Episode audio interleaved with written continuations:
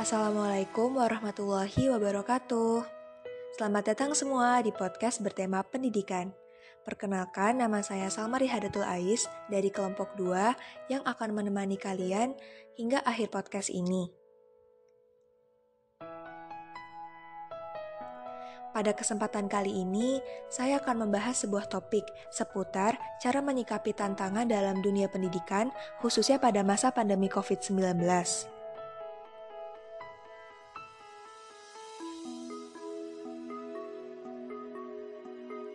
Wabah pandemi berdampak pada seluruh lapisan masyarakat yang menimbulkan kerugian baik secara material maupun imaterial. Di masa pandemi, pendidikan yang sebelumnya dapat dilaksanakan secara langsung di dalam ruang kelas, sementara dilaksanakan di dalam ruang kelas virtual secara online. Presentasi dan tugas-tugas kelompok yang mulanya dapat dilakukan secara bersama-sama dalam sebuah pertemuan langsung, sementara harus dilakukan secara tatap maya dari rumah masing-masing. Akan tetapi, hal tersebut bukanlah sebuah hambatan bagi kita semua untuk dapat menimba ilmu. Meskipun pembelajaran secara daring merupakan sebuah solusi bagi kita sebagai warga pendidikan, ternyata masih saja terdapat beberapa permasalahan yang timbul di dalamnya.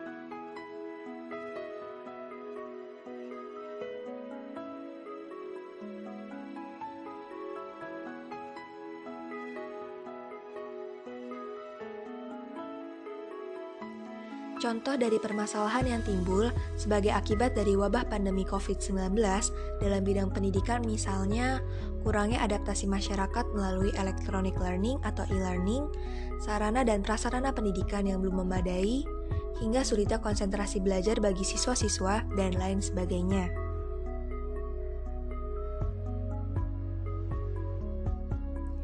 Tentunya pemerintah tidak tinggal diam dan terus berupaya mencari solusi atau jalan keluar dari segala bentuk permasalahan yang ada. Namun, tentunya sebagai warga yang terdidik, patutnya kita dapat turut serta membantu pemerintah dalam segala kebijakannya. Sebagai warga yang terdidik pula, kita dapat menghadapi wabah pandemi COVID-19, khususnya yang berdampak pada sistem pendidikan kita.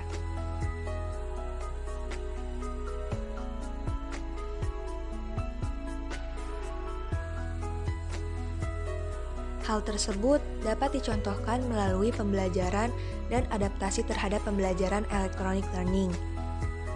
Dengan kemajuan teknologi yang ada, tentunya kita diberikan kemudahan dengan segala bentuk video tutorial serta informasi yang tersebar di internet. Untuk itu, kita dapat terus memantau pembaharuan yang ada dan mempelajari pembaharuan tersebut.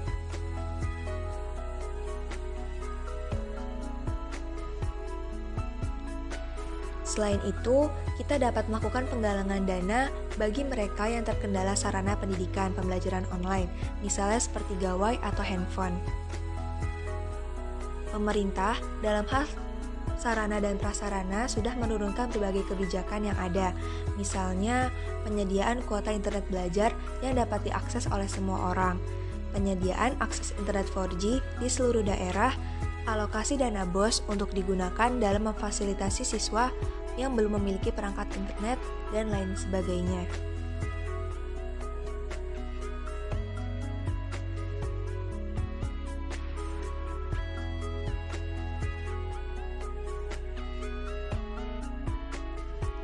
Kesulitan konsentrasi belajar yang sering kali dialami oleh siswa yang belajar secara daring dapat disebabkan oleh beberapa faktor. Salah satunya keadaan rumah yang kurang kondusif tidak mendukung siswa tersebut untuk berkonsentrasi di dalam rumah. Selain itu, tugas yang diberikan kerap kali memiliki bobot tugas yang lebih banyak dibandingkan dengan tugas yang diberikan saat sebelum daring.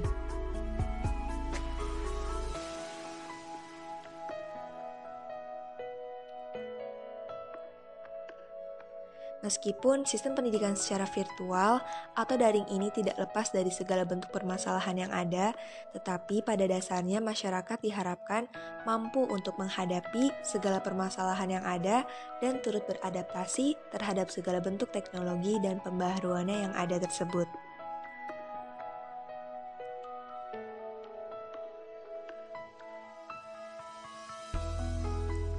Tidak terasa, kita sudah berada pada penghujung dari podcast ini.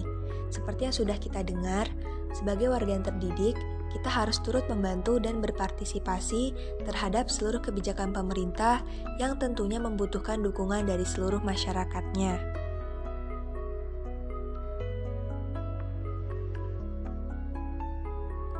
Sebelum menutup podcast ini, saya mengucapkan terima kasih banyak kepada para pendengar yang telah setia mendengarkan podcast ini dari awal hingga akhir. Tetap patuhi protokol kesehatan dengan 5M ya, yaitu menjaga jarak, mencuci tangan, memakai masker, menjauhi kerumunan, serta membatasi mobilisasi dan interaksi. Akhir kata, saya Salmari Hadatul Ais, pamit undur diri. Wassalamualaikum warahmatullahi wabarakatuh.